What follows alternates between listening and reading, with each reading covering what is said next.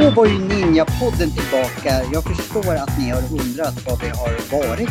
Jag har inte hört några avsnitt på ett tag. Vi återkommer till det. Eh, kanske inte i det här avsnittet, men i ett annat avsnitt. För det har varit mycket som det som, eh, ja, som man säger. Eh, jag är i alla fall väldigt glad att vara tillbaka. Ehm, och vem är det som pratar då? då? Det hör ju ni, det är ju Johan Seffer. Eh, idag ska jag träffa en person för bland, ja, som jag är otroligt nyfiken på. Eh, hon, kan jag avslöja, eh, håller på med någonting som heter tapping. Jag kan inte så mycket om tapping, men är grymt intresserad av vad tapping är. Så jag får hälsa dig välkommen, Sofia Berg. Uttalar jag ditt efternamn rätt nu? Det gjorde du. Alldeles utmärkt. Hej Johan! Ja, men, Tack för att jag får vara med. Hej Sofia! Hur mår du? Vad glad jag är att, att du är med i Ninjapodden. Ja, det är jag också. Jag känner mig lite, lite, ut, eh, lite slutkörd här nu på eftermiddagen. Men ja, vi, ska ju vi ska ju prata om hur man ska vara glad och pigg och alert. Nu kanske folk tänker, men de där låter ju inte så glada och pigga alerta som eh, man kan föreställa sig, de som håller på med tapping. Eh, det är bara för att vi har spelat in ett grymt avsnitt, kanske århundradets bästa poddavsnitt i alla kategorier. Och sen så eh, gofar ljudet helt enkelt så att eh, vi får ta om. Det är därför vi är lite, kanske låter lite tröttare än vad vi egentligen är. För vi har, och nu rivs det saker här också. Eh, ja, Sofia. Eh, man, nu ska man inte fastna i vad sa vi som var så bra förra gången, utan jag får bara låtsas som att vi inte har gjort det där programmet eh, och inte försöka tänka för mycket på vad sa jag då? Det jag inte... Du får förklara vad, eh, vad tapping är för någonting till att börja med. Ja, ja och jag ska göra mitt bästa nu. Det, man, man, ska ju liksom inte tänka på det som har varit, utan nu drar vi ett streck över det och så gör vi det bästa av det här nu. Så, så det här kommer bli ännu bättre än det förra. Eh, det låter ju perfekt. Ja, eller hur? En sak som var bra, att jag inte pratade så mycket eh, under förra avsnittet, utan jag lät dig prata och hoppas att jag kommer ihåg att jag ska göra så det här avsnittet. Det är det enda jag behöver tänka på. Ja, jag blev ju så förvånad över att jag för en gång skull fick prata. Ja, jag fattar inte. Det måste ha hänt någonting. Eh, ja, vad är tapping? Ja, tapping, det är en självhjälpsmetod.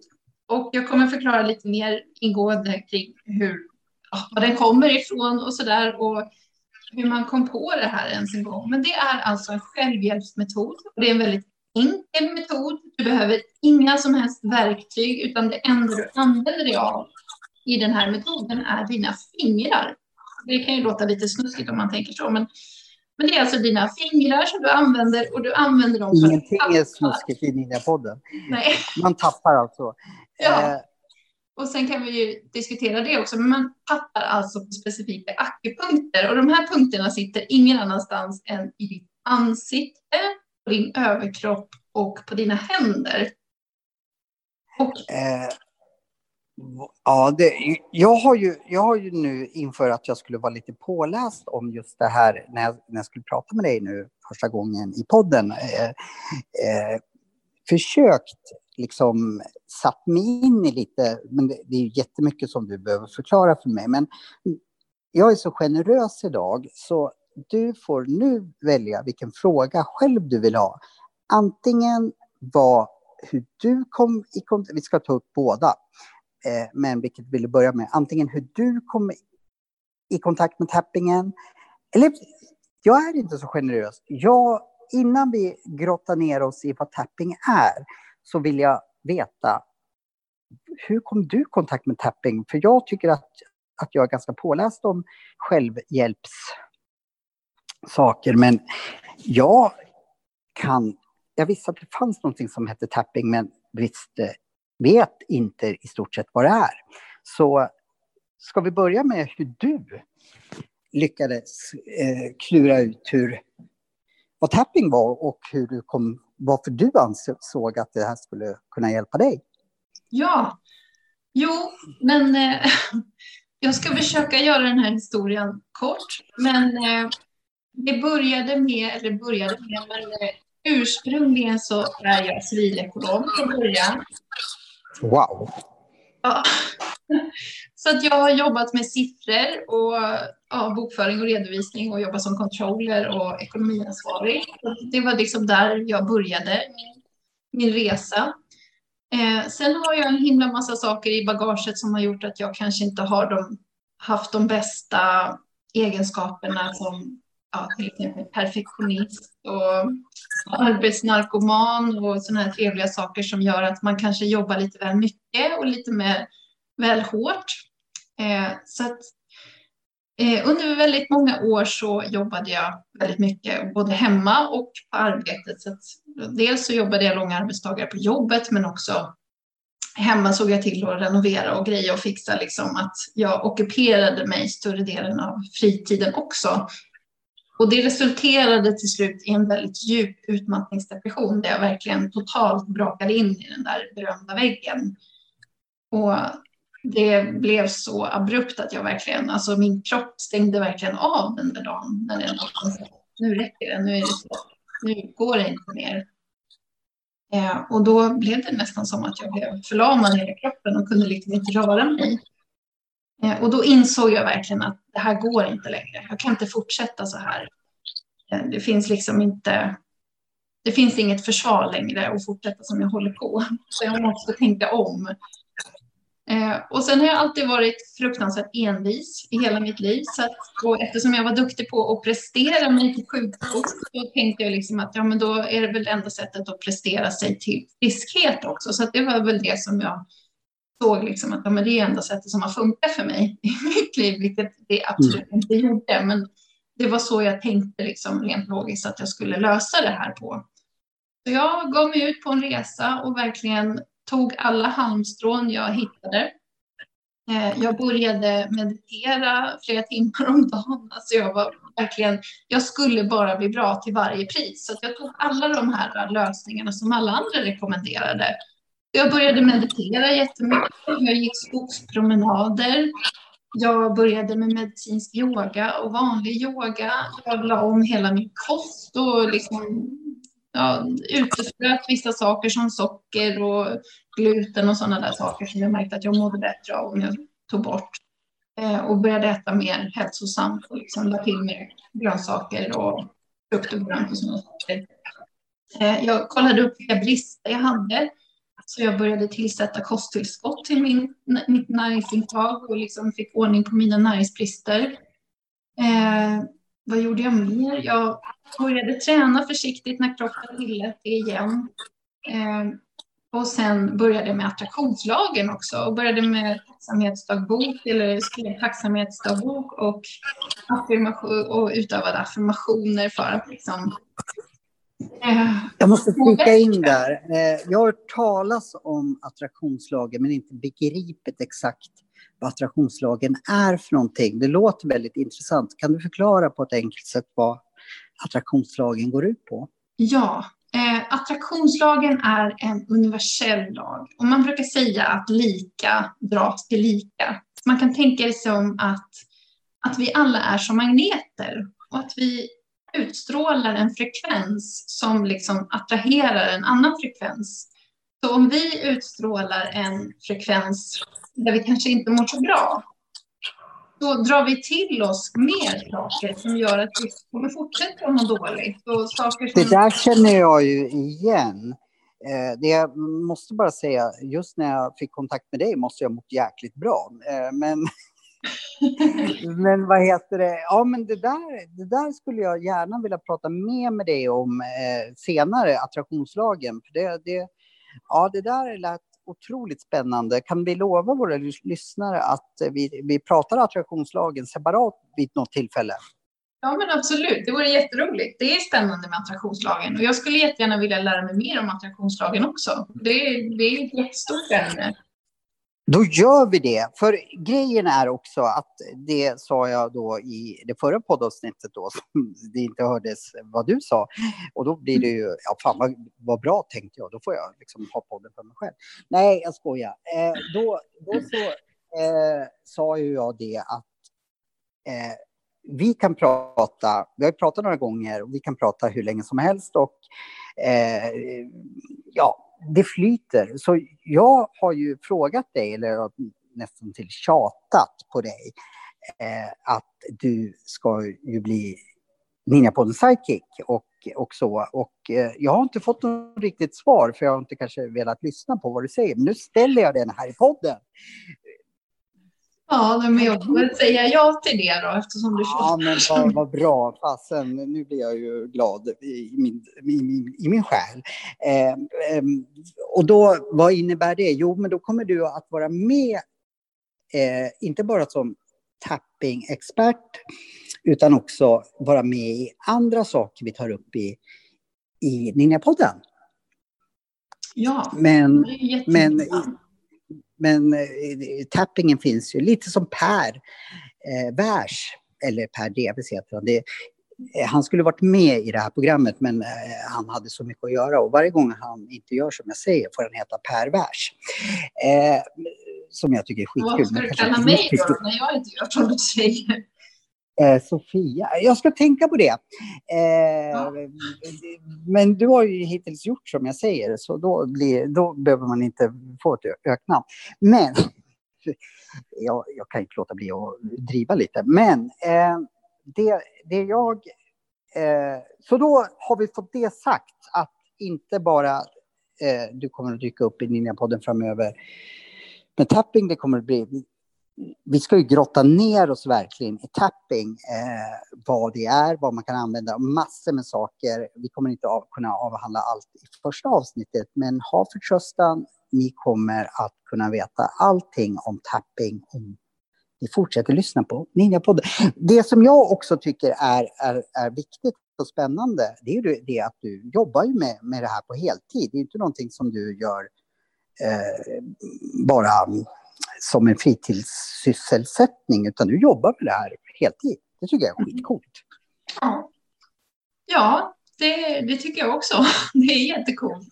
Men, och nu eh, avbröt jag dig, för du, ja. du berättade ju då liksom din, din eh, väg till att upptäcka tapping. Och för att sammanfatta så, du prövade massor med olika saker för att må bättre. Men har jag mm. fattat det rätt så mådde ja. inte du speciellt mycket bättre.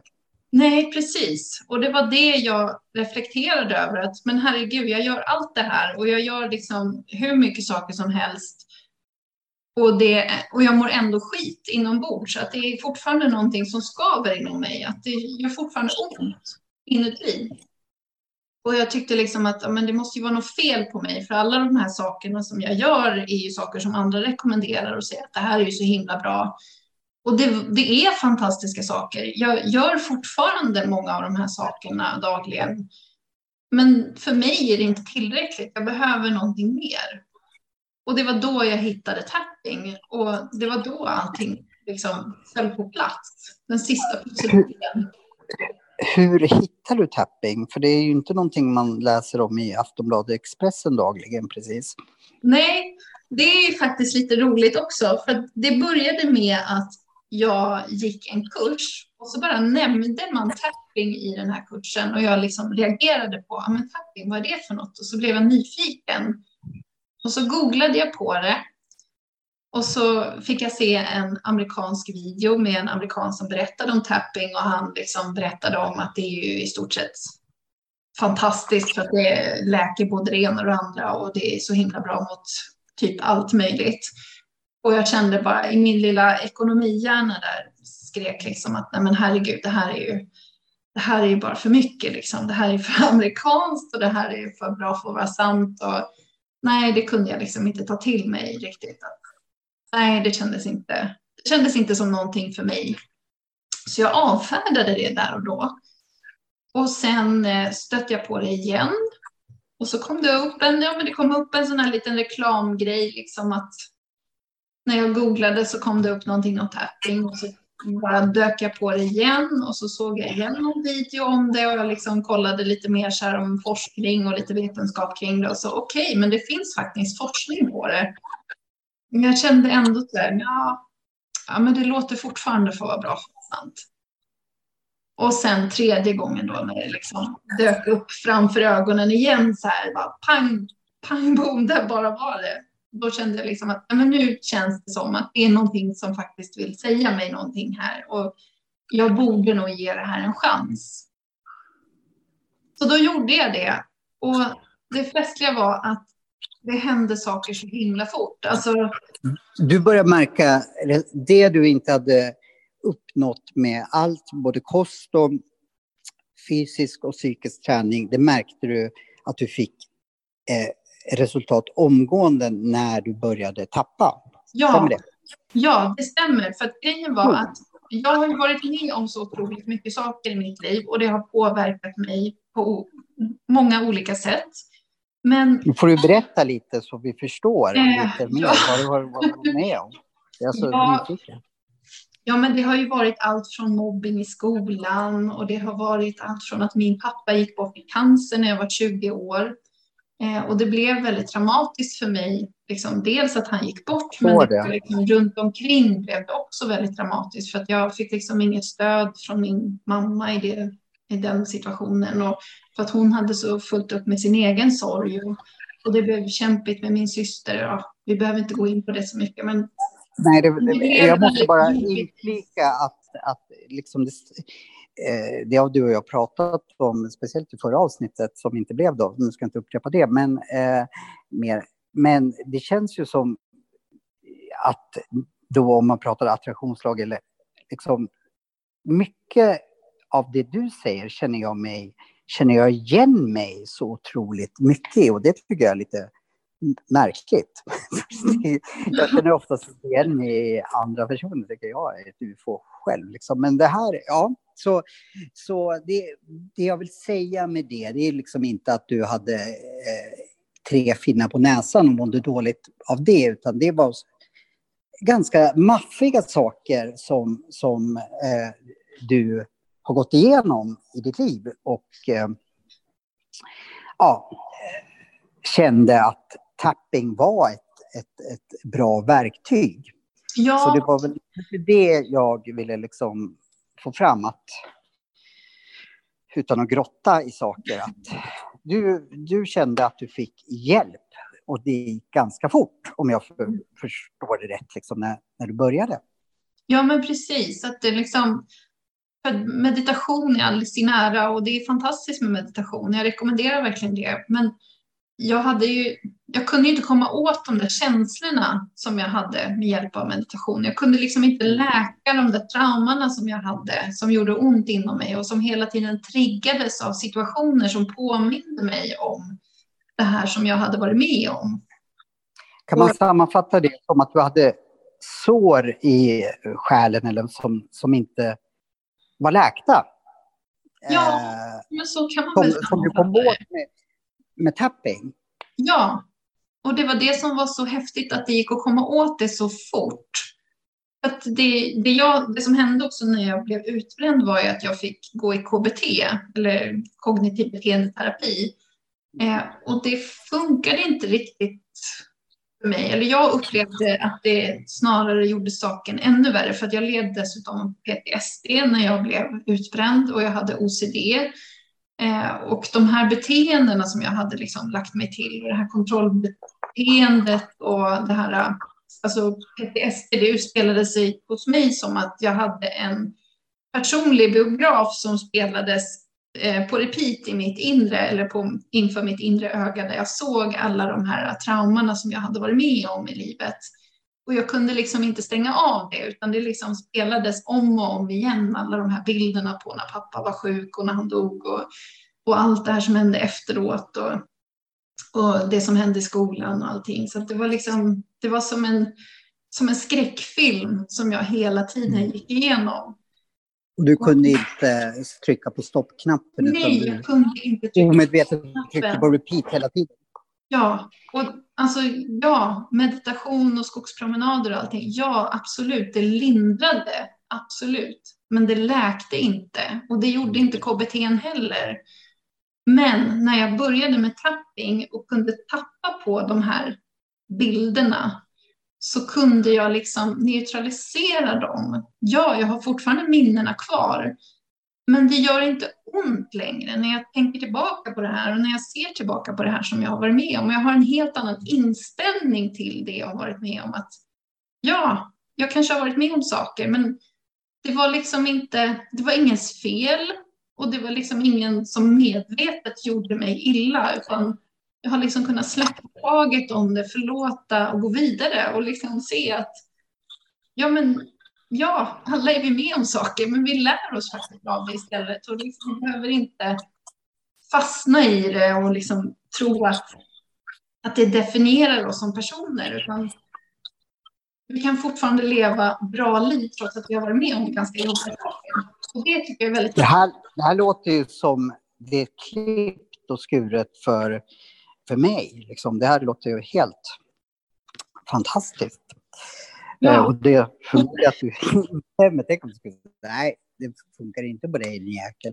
Men eh, ska, vi, ska vi göra så här att vi tar en, liten jingel för folk som har saknat våra jinglar och sen så är, är nästa, inte avsnitt, för det kommer, vi kommer vara tillbaka typ om en minut, så kommer du att förklara vad tapping, hur man gör ja, dels var tapping kommer ifrån och ja, exakt vad man gör. Blir ja. det bra? Yes. Så vi ja, kör vidare om en nej, stund. Vi tar en jingel här så är vi tillbaka, gå ingenstans. Eh, jo, ni får gå och pudra näsan, men sen ska ni vara tillbaka där de, ni lyssnar på det här. Missa inte det. Yes. Eh, vi hörs om ett tag då. Ja. Nu kommer jingeln.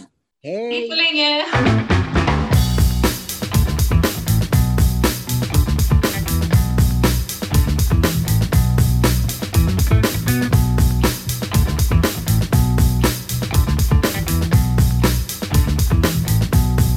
Ja, då är vi tillbaka. Sofia Berg och Johan Setter.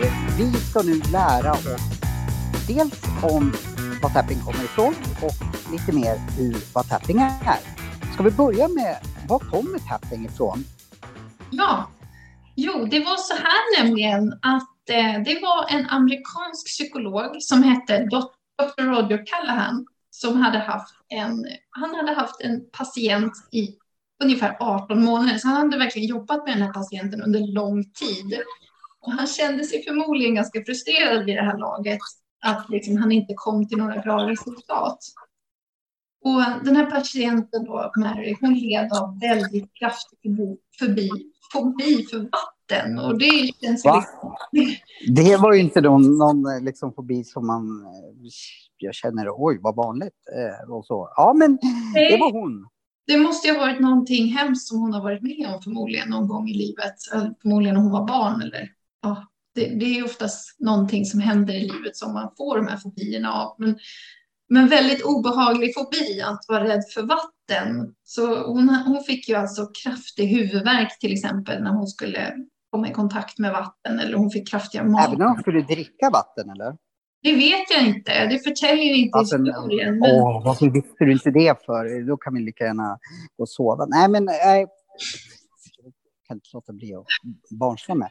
Eh, men, men eh, ja, ja, jag kan tänka mig att även det...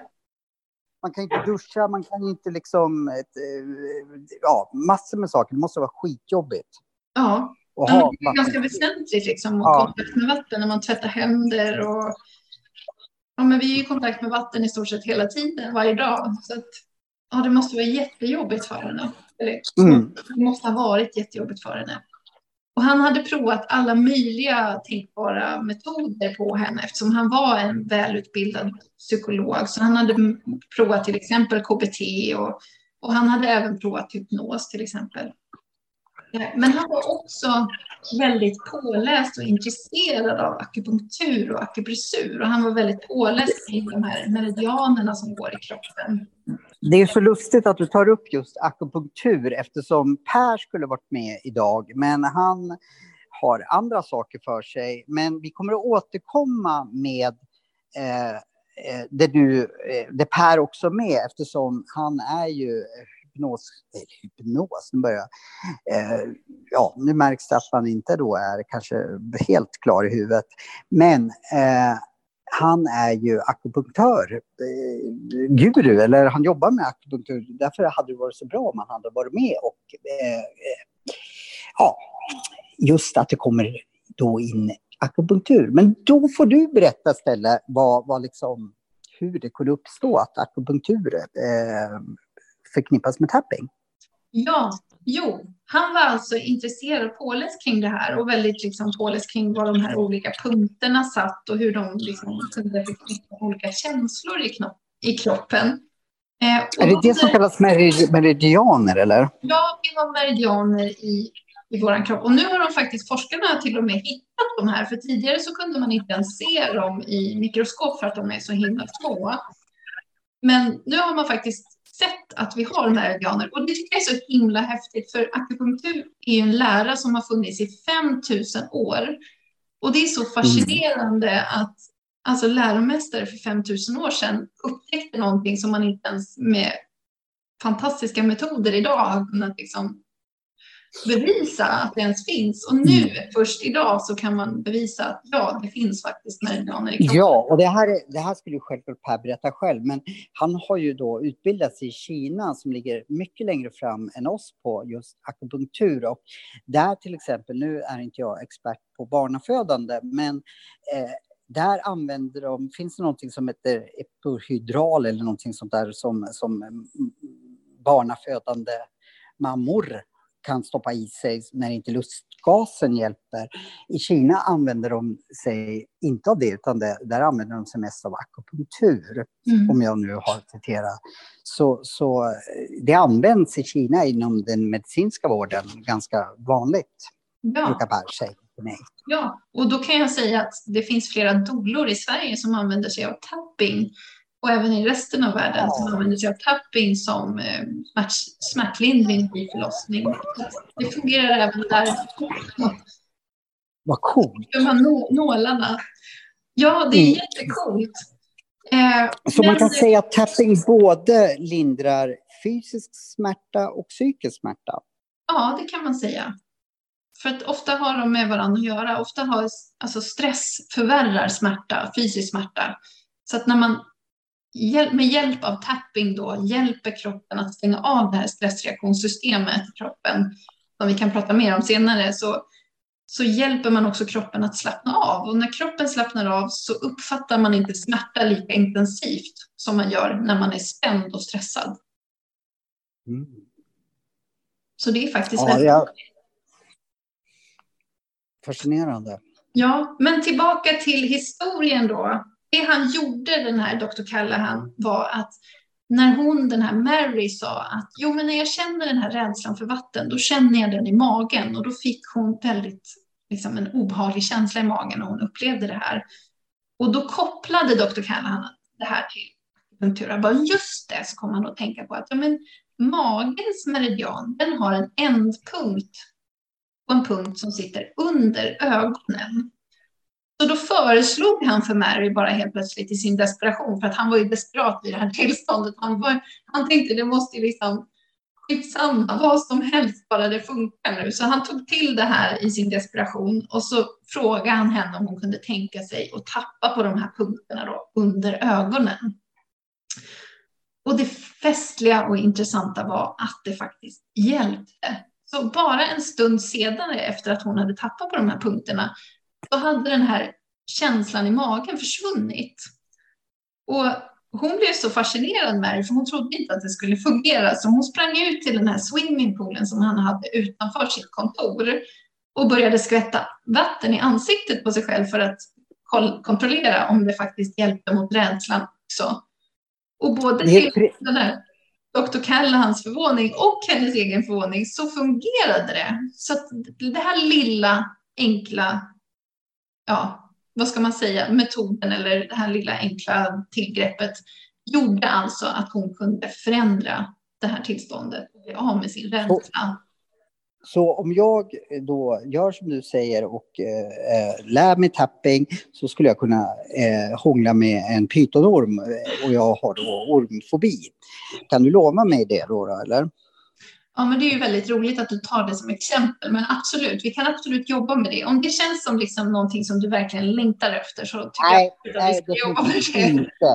Eh, och eh, det ligger på dig att få fram den här pytonormen också. Jag har inte de kontakterna i pytonormsbranschen. Men så vi kanske släpper det då. Men eh, helt otroligt liksom att, att, att, att det, det liksom från att ha haft det här jag vet ju många, eh, inklusive mig själv, som liksom har gått helt ett helt liv med fobier eller någonting som ja, man inte vet vad, varför och eh, jobbat på olika sätt. Och det finns kvar ändå. Eh, det enda mm. man har gjort det, det är kanske att man är mer medveten om det här men, men inte liksom hittat ett konkret botemedel. Mm. Ja, men den är inte slut där än, historien. Nej det han gjorde, Dr. Callahan, nu kan jag säga att det var ju säkert, det bidrog ju säkert med allt det där som han hade gjort innan också. För att när man jobbar med tapping också så behöver man ju liksom ofta gå på djupet och kontroll, alltså gå in djupare på vad är det som ligger bakom den här fobin och kanske jobba med trauman och kolla liksom, jobba med sådana saker också. Så det är inte bara oftast att man tappar på själva känslan att, att det här hände var ju verkligen ett hinder. Men man har alltså sett sådana här one minute wonder som man kan kalla det på andra patienter också. Så det, det kan alltså hända att man får ett så abrupt, eh, en, en abrupt förändring i energiflödet i kroppen så att man så snabbt kan ändra ett tillstånd från rädsla, panik eller fobi till att faktiskt bli av med det här så det har hänt på flera tillfällen också, men det vanliga är att man behöver jobba lite mer med det och liksom gå lite mer djupare in på vad kan det vara för saker som ligger bakom och händelser och trauman som kanske triggar det här. Eh, men det han gjorde sen när han kom, upptäckte det här och liksom, han fick en chock. Han blev ju helt förstummad av att det här faktiskt gav så bra resultat. Så det han gjorde var att han, han satte igång och gjorde tio års omfattande studier där han tog fram en metod som han senare kallade Thought Field Therapy, alltså det är så svårt att säga. Och den förkortas TFT. Den metoden gick ut på att man gjorde specifika algoritmer som man kallade det att det var liksom specifika recept för olika typer av problem. Så att det kunde vara ett recept att man tappade på ett sätt om man hade ångest eller man tappade på ett annat sätt om man hade depression. Man tappade på ett annat sätt om man hade rädsla eller fobi eller, eller på ett annat sätt om man hade ilska till exempel. Och sen då så lärde han ut det här vidare till andra läkare och doktorer och då kom det bland annat en, en elev då till honom som hette Gary Craig och han var bland annat utbildad till ingenjör och eh, hade en master i NLP, alltså Neurolinguistic Programming. Och det är jag inte jätteinne på vad det innebär, men det är också ett väldigt bra, en väldigt bra metod för att jobba med med vårt Jag är väldigt nyfiken på NLP eh, och det ska vi grotta ner oss Ja. Jag tycker du och jag ska göra det eftersom du numera är psychic. Eh, men jag vi kan väl säga så som jag brukar säga till mina barn när inte jag kan förklara. Googla för i helsike. Ja. helsike säger jag, men eh, googla på, på NLP ifall ni, och sen så får vi uppdrag att ta reda på mer om NLP längre fram. Yes, precis. Men, Men det jag, gjorde den här Gary alltså? Att, ja, eh, han använde sig av, när han lärde sig den här TFT-metoden, den här ursprung, ursprungliga tappingmetoden, han lärde sig den så tyckte han att dels att den var helt fantastisk och att den gav fantastiska resultat. Men han tyckte också att den var lite väl krånglig och tyckte liksom att men det borde gå att förenkla det här på något sätt. Så då valde han sen att utveckla Emotional Freedom Techniques, alltså EFT som är den alltså den eh, metoden som man använder sig vanligen av idag, som jag kallar tapping. Det känns, det känns så lång, långt att säga emotional freedom techniques eller... Det orkar vi inte med. Nej, jag orkar inte med det. Bestämmer, EFT är det, ingen som, det, det, är ingen som vet vad det är. Liksom. Så tapping är det vi gör, men alltså emotional freedom techniques är vad metoden heter. Mm. Och den utvecklade han och liksom lärde ut sen i början på 1990-talet. Så det var det som liksom blev ursprungs oh, starten till att tapping kom ut i världen. Och sen har det ju vidareutvecklats ännu mer därefter, men ja, det var så det började.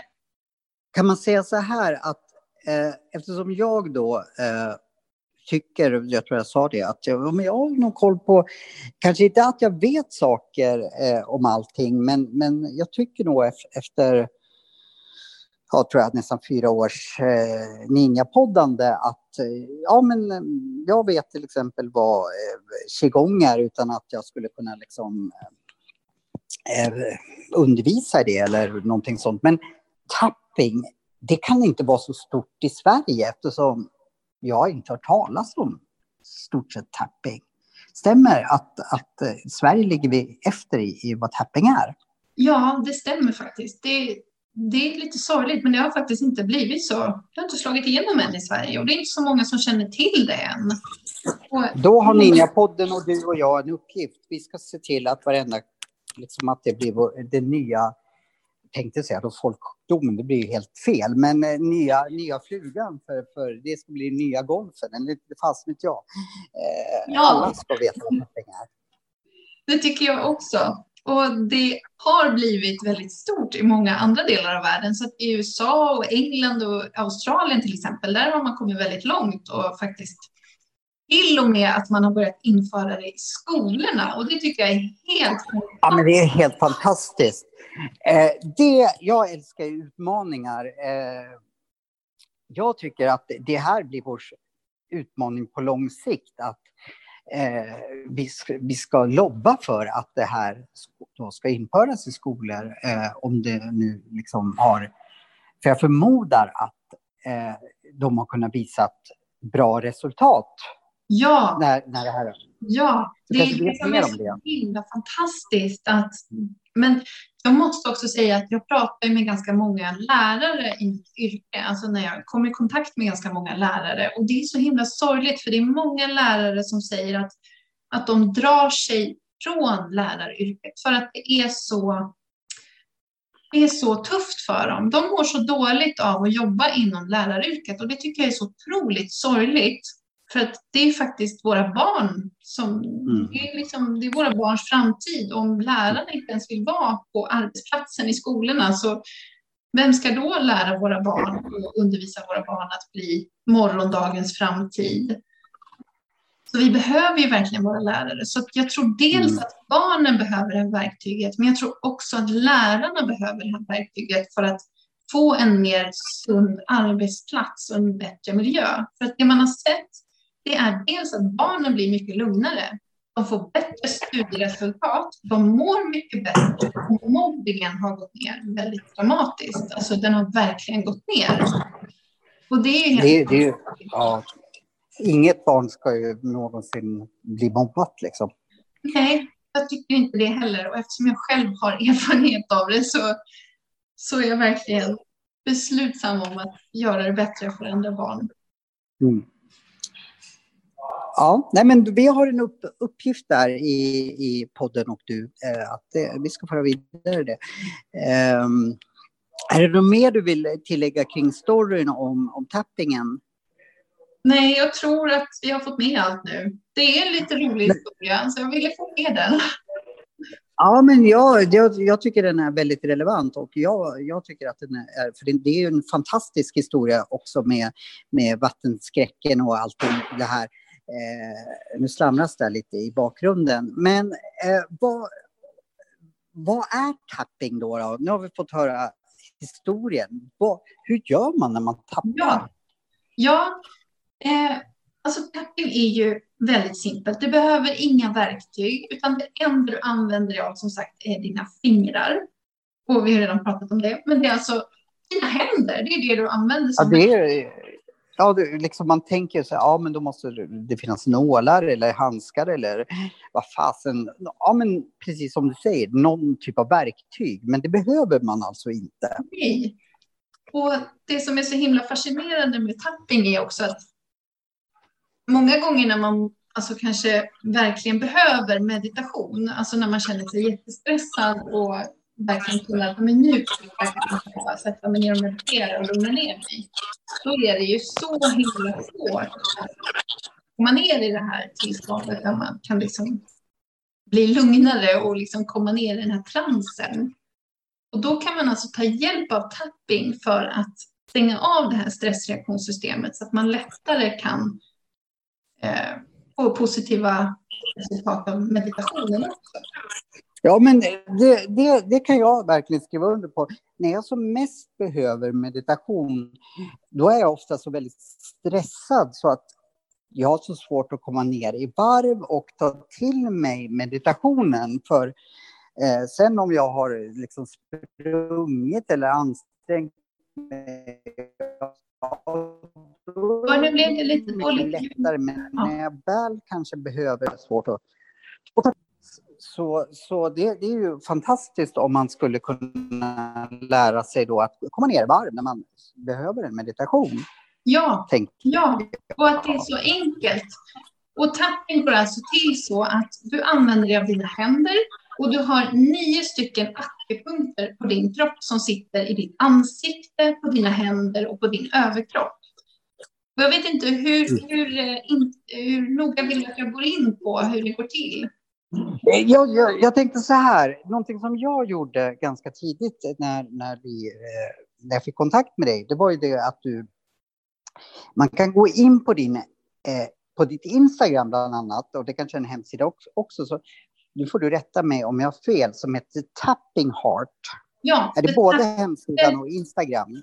Ja, jag har eh, hemsida och Instagram, precis. Och det, den heter The Alltså The Tapping Heart, alltså som i en bestämd form. Vi lägger ut det på, på våra so, so, sociala medier, för där har du då lagt ut massa videos som man kan titta, för det är mycket enklare. För när, när första gången när jag pratade med dig så fattade nog inte jag riktigt att hur enkelt det var att tappa eh, med, med liksom det här. Och vi har ju förklarat, eller du har förklarat, att det är enkelt, men jag tror att det är väldigt bra att man går in och tittar på de här videorna som, som eh, när du tappar. Ja. För att riktigt förstå. Eh, och sen har du lovat också att, att eh, i samband med det här avsnittet läggs ut så kommer du också att förklara det på våra sociala medier och lägga ut en film där, där man kan se. Men jag kan verkligen rekommendera att man går in på din eh, antingen Instagram eller hemsida och tittar på eh, de här videosarna. Eh, och så. Sen gjorde jag någonting också som du rekommenderade. Eh, du har också lagt ut en, kan man säga, minikurs ja. i tapping som är väldigt enkel. Och, och, så, och då kanske man ska förtydliga att det här är mer som ett smakprov vad tapping är än att Eh, ja, du får förklara själv, men det, det är då liksom, för du har sagt att ja, men ska du jobba med det, då måste vi ta, ta mycket större grepp om det här. Men bara för att du ska förstå så var det ett bra mm. sätt att gå in och göra den här minikursen som dessutom är gratis. Ja, precis. Så att på min Instagram så kan man gå in på min, på min profil och så har jag en länk där och då hittar man den här mm. lilla minikursen och den heter Tappa bort din stress. Och det är alltså ja. en minikurs där jag liksom går igenom hur tapping går till och vad det är som händer i kroppen när vi stressar och varför tapping är så enormt effektivt just mot stress. Mm. Och vad det är. Alltså, och sen också hur det går till, så att jag förklarar också i en video precis hur det går till, alla stegen i tappingprocessen och, du får också och till och med jag förstod det, hur man skulle göra. Om jag förstår det så förstår nog alla. Eh, det, man också, det, jag fick, eh, det du sa för mig, för jag frågade ja, men om jag känner en annan känsla än just stress nu, så sa du till mig som eh, jag tycker vi även säger till, till eh, lyssnarna att eh, ni kan byta ut stress mot i stort sett vad ni vill. Stämmer det? Ja, Som precis. ni vill tappa på. Precis, jag kunde ju inte göra tusen olika meditationer i den här kursen, så då gjorde jag en generell på stress. Och sen får ja. man använda det uttryck som känns mest sant för en själv. Så att man kan byta ut precis som man känner. Det är bara liksom en... För att, ja, men för att liksom få en ton om hur det fungerar och hur det går till. Och det är så bra. Sen, sen reflekterade jag över en sak, att det var ganska, tycker jag, väl genomtänkt att, att eh, just ta stress. För även om jag till exempel, nu tar jag någonting, har ångest, så blir jag stressad över att jag har ångest. Det är ju inte så att jag bara, åh, eh, vad eh, välkommen du är ångest, även fast man kanske skulle säga så. så. Man blir ju stressad av nästan allt som man mår sämre utav, tycker mm. jag i alla fall. Så stress är ju, var ju ett väldigt bra ämne att du tog upp, för det, har inte jag, det fattade inte jag. Att, ja, men, ja, nu, har, nu känner jag ångest, men vad, vad händer med mig då? Jo, jag känner en stress över att jag har ångest. Så, så stress var ju faktiskt ett ganska bra sammanfattning. Men som sagt, man kan byta ut det här mot i stort sett vad som helst. En fråga, kan man också... Jag har förstått att, att eh, eh, man jobbar mycket med känslor, men kan man säga att det är personer eller något som stör en, att man kan tappa på det också? Ja, men absolut. Alltså, du kan tappa på i stort sett vad som helst. Alltså, det finns golfspelare som använder sig av tapping för att de ska bli stadigare på handen när de svingar. Så du kan i stort sett tappa på vad som helst. Så om du känner... Så man kan... Förlåt, ja, fortsätt. Så om du känner irritation eller stress eller frustration över att någon viss person gör på ett visst sätt eller säger någonting specifikt så, så kan du alltså tappa på just den händelsen eller på att du reagerar som du gör på att hon eller han gör si och så. Eller om du blir arg så kan du tappa på den känslan eller om du har varit med om en situation när du var barn som, som du liksom behöver läka så kan du även tappa på det. Så det är väldigt brett vad man kan använda tapping till.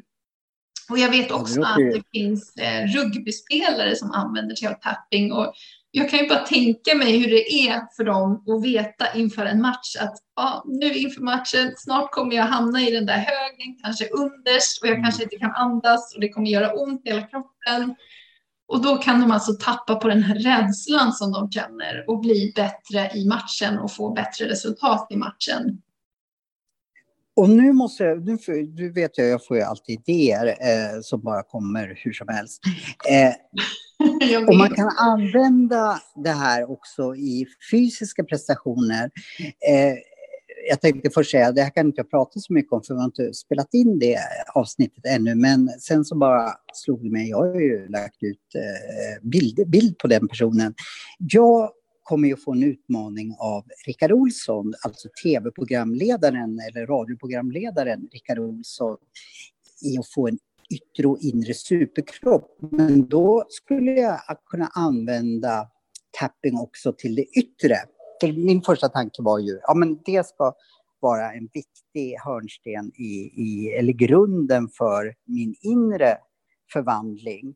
Men då skulle jag lika gärna kunna använda tappingen till, till för jag får ju antagligen kommer jag få ett tufft träningsprogram. Eh, om rugbyspelare så kan väl även man använda det liksom i fysiska prestationer, stämmer det? Ja men absolut. Alltså, det, jag skulle kunna ta det här att när vi stressar så aktiveras ett stressreaktionssystem i våra hjärnor. Och när det händer så... Är det dels, kortisol vi pratar om nu eller? Ja, men dels så eh, regnar det ner massa kemikalier från hjärnan eller från kroppen då ut i kroppen som stresshormoner, kortisol eh, och adrenalin och alla de där stresshormonerna.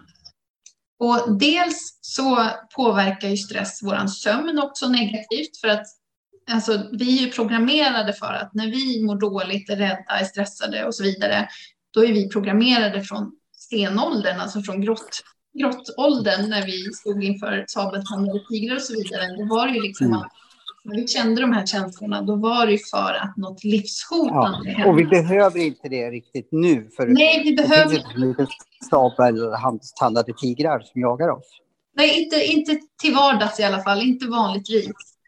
Eh, men vår kropp och vår hjärna reagerar fortfarande på samma sätt som om vi stod inför mm. de här sabeltandade tigrarna. Så mm. dels det händer. Och när vi blir stressade då under lång tid så påverkar det alltså vår sömn. Så att, för det är liksom, kroppen reagerar ju som att vi står inför den där sabeltandade tigern hela tiden. Och då tycker inte kroppen riktigt att det är läge att sova. Så därför kan vi inte sova riktigt bra under de här perioderna när vi är stressade och oroliga över någonting.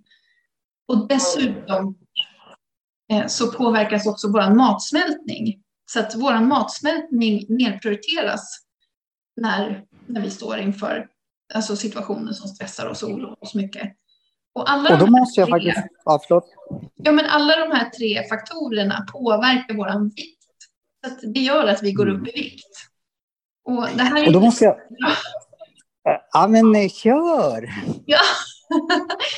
Ja, men de här är ju kanske inte jättefördelaktiga om vi då har ett mål som du har, att du ska få en superkropp. Och om du är stressad inför det här målet. För, för MMA liksom. Ja, och det också. Du kanske är stressad mm. inför de här matcherna eller stressad inför att prestera på ett visst sätt eller då påverkar ju det här dig. Så det kommer, mm. det kommer påverka dina resultat. Och dessutom, när, vår, när vårt stressreaktionssystem kickar igång, då har också vår hjärna en tendens att stänga ner våra kreativa förmågor som kreativitet, fokus, koncentrationsförmåga och problemlösningsförmåga. För hjärnan resonerar så att de här förmågorna är bara överflödiga när vi ska springa från en sabeltandad tiger eller spela döda eller eller slåss emot den här faran som vi står inför. De här förmågorna kommer bara förstöra våra, våra chanser för att överleva. Så därför stängs de ner i de här situationerna. Det gör att när du står inför den här situationen och du ska prestera på topp så gör du det med din absolut mest IQ-befriade tillstånd. Så det kommer ju också påverka dina resultat. Mm. Eh, jag, jag kom ju på att jag kanske ljög lite här för våra kära lyssnare och det ska jag definitivt inte göra. Eh, I en annan podd som vi gör som heter Tjockispodden så eh, träffar jag Gyllene Tiders trummis Micke Syd Andersson som jag har känt väldigt länge. Och när jag träffar honom så har han precis avslutat en tappingkurs. Eh, och det jag fokuserar då på det är att han har gått ner så otroligt mycket i vikt. Han ser ut som, ja men han har verkligen en superkropp då. Och då tänker jag, oj vad du har liksom ätit bra eh, och så. Och då eh, berättar han, för nej, eh, jag har bara gjort tapping. Eh, så det var då första gången var tapping och eh, det är ganska länge sedan. Men nu förstår jag att han inte ljög för mig när han sa att han inte alls hade ätit. Eh, klart att han kanske hade ändrat någonting, men han gick ner ofantligt mycket eh, och jag tror jag inte trodde det riktigt på honom när han sa att han i stort sett inte hade ändrat kosten. Men nu förstår jag honom mycket bättre. Mm. Eh, när du berättar allt det här, liksom vilka, vilka ja, vad, vad, vad, kroppen gör när man stressar och eh, ja, så. Så eh, jag sa, sa kanske att jag typ aldrig hade, hade talat så om tapping, men nu när du berättar det så, ah, det var ju det Micke Syds hade gjort. Ja, men precis. Äh, Sen är det ju också det att det kan ju också vara saker som ligger bakom att vi äter på ett visst sätt eller kanske har svårt att gå till gymmet eller kanske inte tränar så mycket som vi skulle önska. Och det kan ju vara bakomliggande faktorer som begränsande övertygelser eller att, att någon har sagt någonting till oss någon gång om att om du går ner i vikt så kommer det hända. Nej, men inte så, men men att vi har fått någon liten sån här syrlig kommentar från någon när vi kanske var smala. Att ja, men det var inte så bra för då blev ju den personen ledsen och vi vill ju inte göra den personen ledsen igen. Och så hindrar vi oss själva omedvetet eller undermedvetet då, från att gå ner i vikt för att vi inte vill stöta oss med den här personen igen eller på olika sätt. Så mm. och sen finns det också en forskningsstudie som visar på att många gånger när folk är, eller personer som har varit kraftigt överviktiga så har det visat sig att det kan ligga sexuella övergrepp bakom. Så att det kan vara ett sätt att skydda sig själva mot att utsättas Oj. för det här igen. Att man därför går kraftigt i vikt. Då. Så det kan vara så mycket saker som ligger bakom. Mm. Det behöver inte alls vara att liksom bara för att man är lat. Alltså det, det, finns ingenting som heter lat, utan det är oftast någonting som ligger bakom. Det är oftast rädslor som ligger bakom, som hindrar oss att gå till gymmet eller, eller från att ändra kosten för att det är nytt och ovant och läskigt och skrämmande. Och att gå till gymmet kan ju också vara någonting skrämmande för att vi inte har gjort det förut och så vidare. Så det kan vara så mycket andra saker som ligger bakom än det här låter ju som ett lysande verktyg att komma åt sitt undermedvetna som vi har jobbat ganska mycket med, eller jag har gjort det. Eh, att tapping är ett sätt att påverka sitt undermedvetna. Vad säger det du om det? är det verkligen. Och då kanske man ska förklara lite vad det undermedvetna är och det tänkte jag att du får äran att göra. Ja, ja men tack snälla Johan. Jo, att vi, vi tänker ungefär mellan 15 och 60 000 tankar per dag. Så det är ganska många tankar som snurrar runt i våra hjärnor. Och då säger man att ungefär 5 procent, alltså det är ju liksom skrattretande lite, ungefär 5 procent av de här tankarna är våra medvetna tankar. Sen resten då, 95 procent, det är undermedvetna tankar som kan liksom utlösas av händelser som det kan vara saker som triggar vårt förflutna. Och... Det kan vara saker som vi har tänkt liksom gång på gång i flera, under lång tid som återkommer till oss undermedvetet, som ligger på en undermedveten nivå.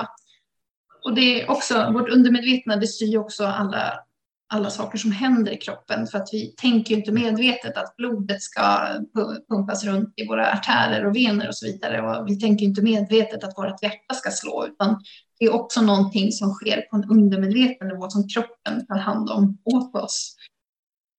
Så, så om man ska göra förändringar med sig själv så är det bra att ha koll på sitt undermedvetna. Ja, för det är oftast där de här sakerna ligger. Och om man har trauman som har påverkat oss väldigt starkt och som ligger och triggar hela tiden, skyddar hjärnan de här minnena. För det här ligger ju som brandvarnare liksom i vår minnesbank. Så att hjärnan kommer skydda det här från, alltså så att du medvetet inte kan få tag i det här minnet. För att det här ligger liksom kvar där skyddas ifrån att du ska liksom utsättas ifrån en liknande situation igen. Så att om man tar exempel då ett barn som till exempel ska hålla ett föredrag i skolan och så kanske någon skrattar eller läraren säger någonting. Då sparas det här minnet i ditt undermedvetna. Och sen varje gång du utsätts inför en liknande situation i vuxen ålder så kommer det här minnet triggas igång och göra, att, göra allt för att hindra dig ifrån att ta dig upp där på scenen igen och hålla det här mm. föredraget eller utsättas från en liknande situation eller spela in en livesändning på, på Instagram eller hålla ett poddavsnitt eller vad det nu kan vara. jag måste också, det, det jag, när jag hör dig berätta, eh, det här påminner ju lite om kvantfysik som eh, dels jag har hållit på med mycket och Eh, eh, det finns även i, i Ninjapodden flera avsnitt med, med kvantfysikgurun Mikael Sävlund. Jag tycker att det påminner en del om, om kvantfysikens, kvantfysikens tänk. Eh, just med eh, ja, bland annat hur man kan jobba med sitt undermedvetna. Eh, nu vet jag inte hur mycket du kan om kvantfysik, men, men hur, ja, har du någon reflektion över, över det? Liksom, att, det att det påminner om varandra? Ja, men absolut. Nu är jag inte jätteinsatt i kvantfysik eftersom det är så stort ämne och jag kan bara mm. små delar av det. Men, men jag kan absolut se likheter och jag kan också se likheter med NLP och, och liksom sådana andra verktyg också, attraktionslagen också. Så det känns som att man har hämtat lite inspiration från NLP, varför jag är nyfiken på NLP, det är ju att, att NLP ligger nära kvantfysiken. Och just, jag visste inte vad, när jag började jobba med Micke Sävlund, liksom att vad, vad undermedvetna är. Och då gav han mig en ganska bra exempel. Nu ska jag se om jag kan återberätta det på ett bra sätt. Eh, trots att jag inte heter Mikael Sävlund. Men eh, han sa, föreställ dig att du när du är liten är ute och cyklar. Eh, och nu berättar jag inte lika fantastiskt som han gör, men eh, du cyklar förbi ett rött litet gulligt hus och utifrån det så, så kommer en bulldoft, för där står en gumma säger och bakar bullar. Men just när du ser det röda huset och känner bulldoften så eh, cyklar du omkull och får in typ foten i, i eh, ekrarna och gör det otroligt illa. Mm. Men det, eh, även om du långt senare har nästan glömt bort den där händelsen så har inte ditt undermedvetna gjort det. Och sen så träffar du till exempel en eh, sambo eller något sånt och säger du, vi ska köpa ett litet torp.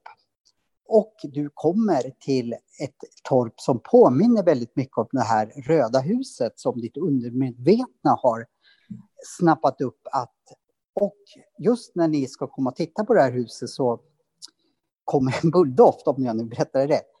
Då får du värsta obehagskänslorna och du förstår inte för den du tittar på. Som, ja men titta, det är, det är exakt det här vi har letat efter. Men när du ser det röda huset, känner bulldoften, mm. då gör sig det undermedvetna att du får typ panikkänslor. Ja. Det ungefär förklarade han med vad det undermedvetna spelade, spelar roll i en persons liv. Det var en jättebra förklaring, för det är precis så det fungerar. Och det är precis mm. det vi jobbar med i tapping också, att vi letar efter de här triggerpunkterna och jobbar mm. med de här triggerpunkterna. Och då kan vi liksom komma åt det här minnet och läka det. Så att vi kan liksom ta bort de här obehagskänslorna. Som det här. Jag ger dig det här, här liksom helt gratis, att du får det här och använda i din förklaring av det undermedvetna. Jag Ja. Nej, men då, då förstod jag hur viktigt att jag måste jobba med från att inte veta vad det undermedvetna i stort sett var till att förstå ganska exakt att ah, då är det inte så konstigt att jag beter mig eh, konstigt i vissa situationer. Eh, men mm. däremot så vet, ja, som sagt, när han förklarar att den här personen då, om det var jag eller någon annan som hade cyklat omkull, vi, vi har kanske glömt bort själva händelsen att vi cyklar omkull och förstår då inte hur kan jag känna så starkt obehag för den här situationen eller ja. Mm. För att man inte vet vad det undermedvetna är. Så, så då blev allting klockrent för mig, liksom att du har nog mycket att ta tag i ditt undermedvetna. Och sen har jag inte vetat exakt hur jag ska göra. Men då är ju tapping ett, ett eh, bra sätt att eh, ta reda på det kanske. Ja, absolut. Vet du vad Johan? Jag... Tiden här. Nej. Jag kommer behöva åka och hämta min dotter snart. Vi gör så här, vi drar, vi drar en jingel. eh, jag hade så gärna velat höra storyn om dina barn, vad de önskat sig, men det till eh, fredagsmyset. Men det får vi ta i nästa avsnitt. Är det okej okay om vi gör så här att eh, vi tar en jingel nu och sen avrundar vi i, i, i nästa, i den tredje delen och där vi kan för jag är ju så nyfiken. Hur kan jag börja med det här tills vi pratar nästa gång? Att jag får någon form av eh, som vi delar med oss till våra lyssnare, att de tar rygg på mig och gör någon konkret övning i tapping när de dels har kollat på din hemsida och så där så att de vet. Eh, är det okej? Okay? Absolut, så gör vi. Då, då kör vi jingel och sen är vi tillbaka om 35 sekunder säger vi. Vi låtsas att ingen är så lång. Vi hörs då. Ja. Häng kvar! Hej, hej! Hej!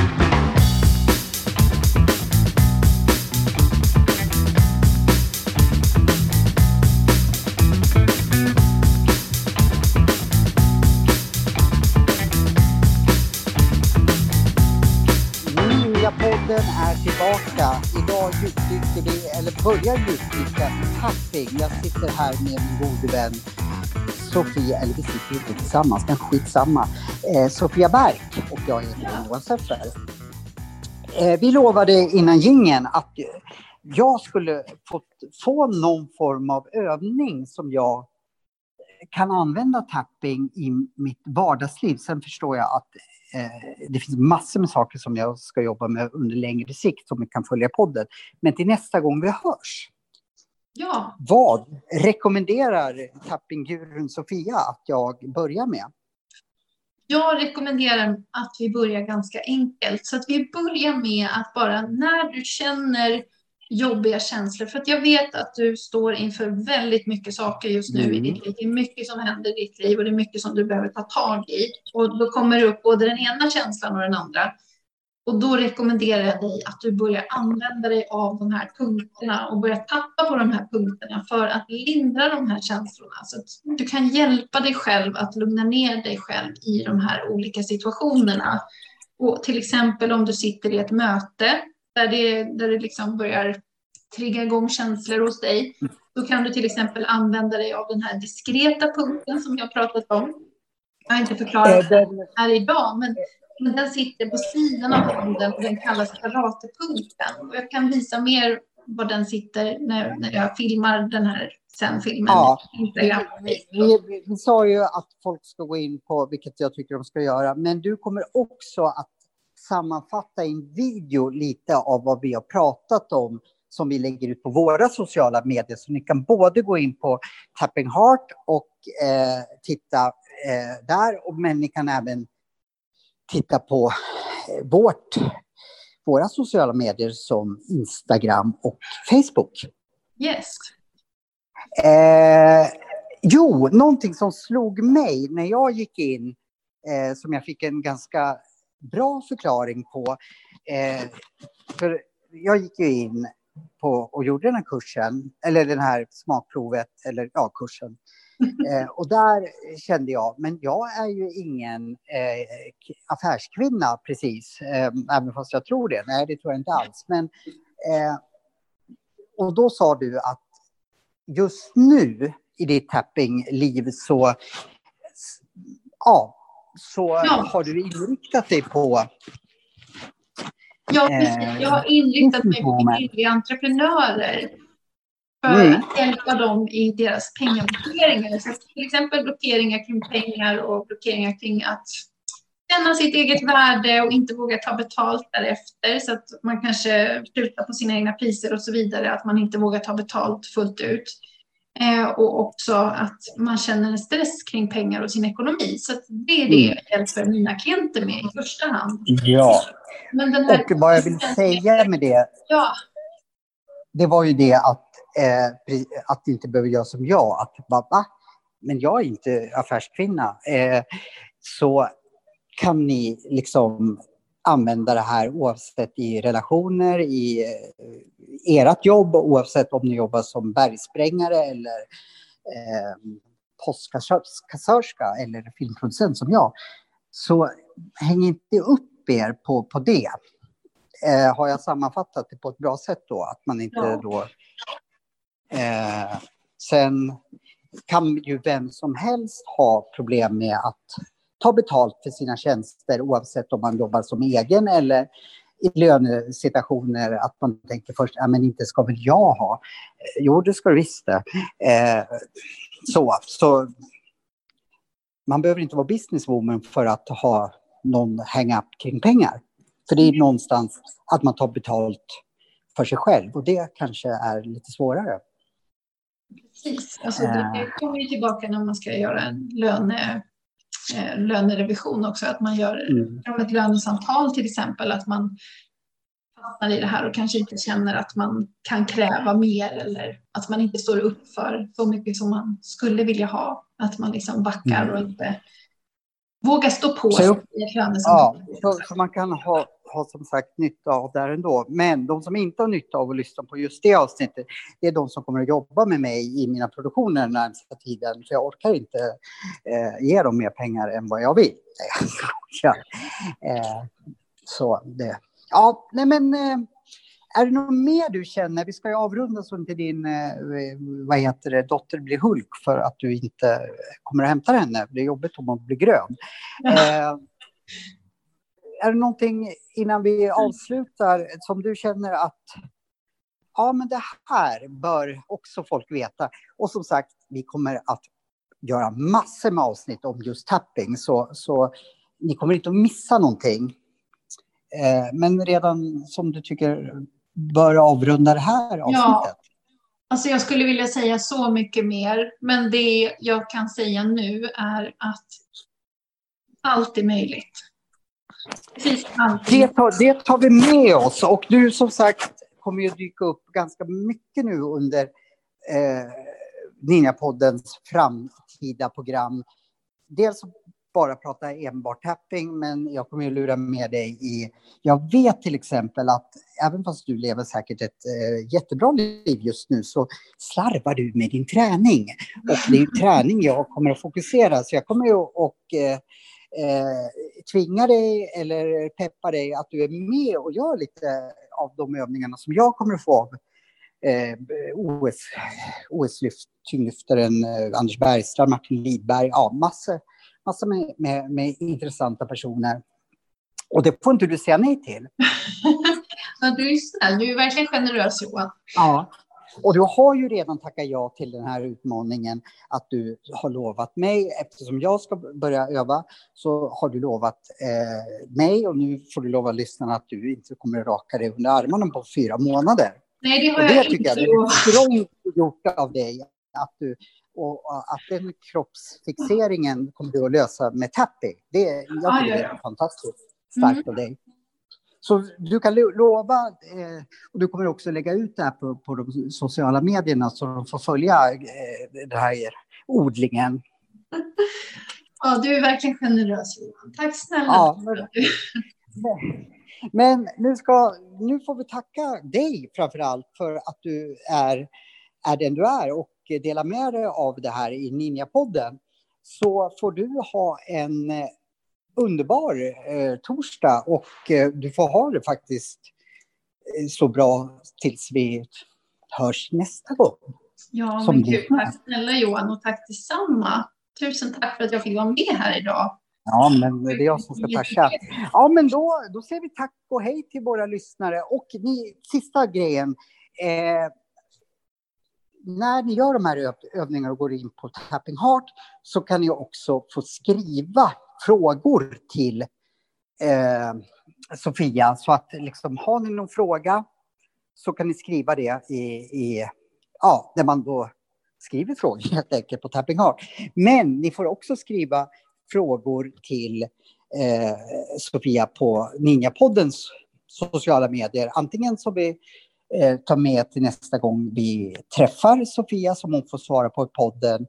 Men också det, det ni kanske inte vill ska ta med podden, får hon det privat. Ni kan också skicka flaskpost till mig med frågor om tapping.